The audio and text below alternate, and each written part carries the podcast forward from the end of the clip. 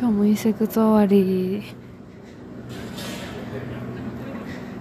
えっと楽しいなっていう。それをえっと残しておこうと思って、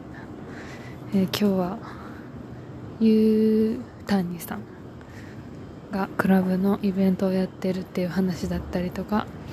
えー、まあ、ミーティングが今日10時からあってちょっと忘れてたんやけど、えー、 Zoom で、まあ、参加して、えっとまあ、みっちり2時間半ぐらいやってそこから、えー、インセクツの方に行ってで文字起こししてあの北加賀屋フリーの準備してという感じでした。何かこう忙しくていろんなことがぐるぐる回っていくんやけども今日も今日はちゃんと掛川さんとも話せて、えー、なんか自分今一応ほんまに楽しいいい、えー、ところにおるなっていうのを、えー、なんかすごく思った次第です。あと卒論書くだけ。でもこれはもう最後の、えー、ほんまに最後、えー、追い上げって感じで。なのではいあの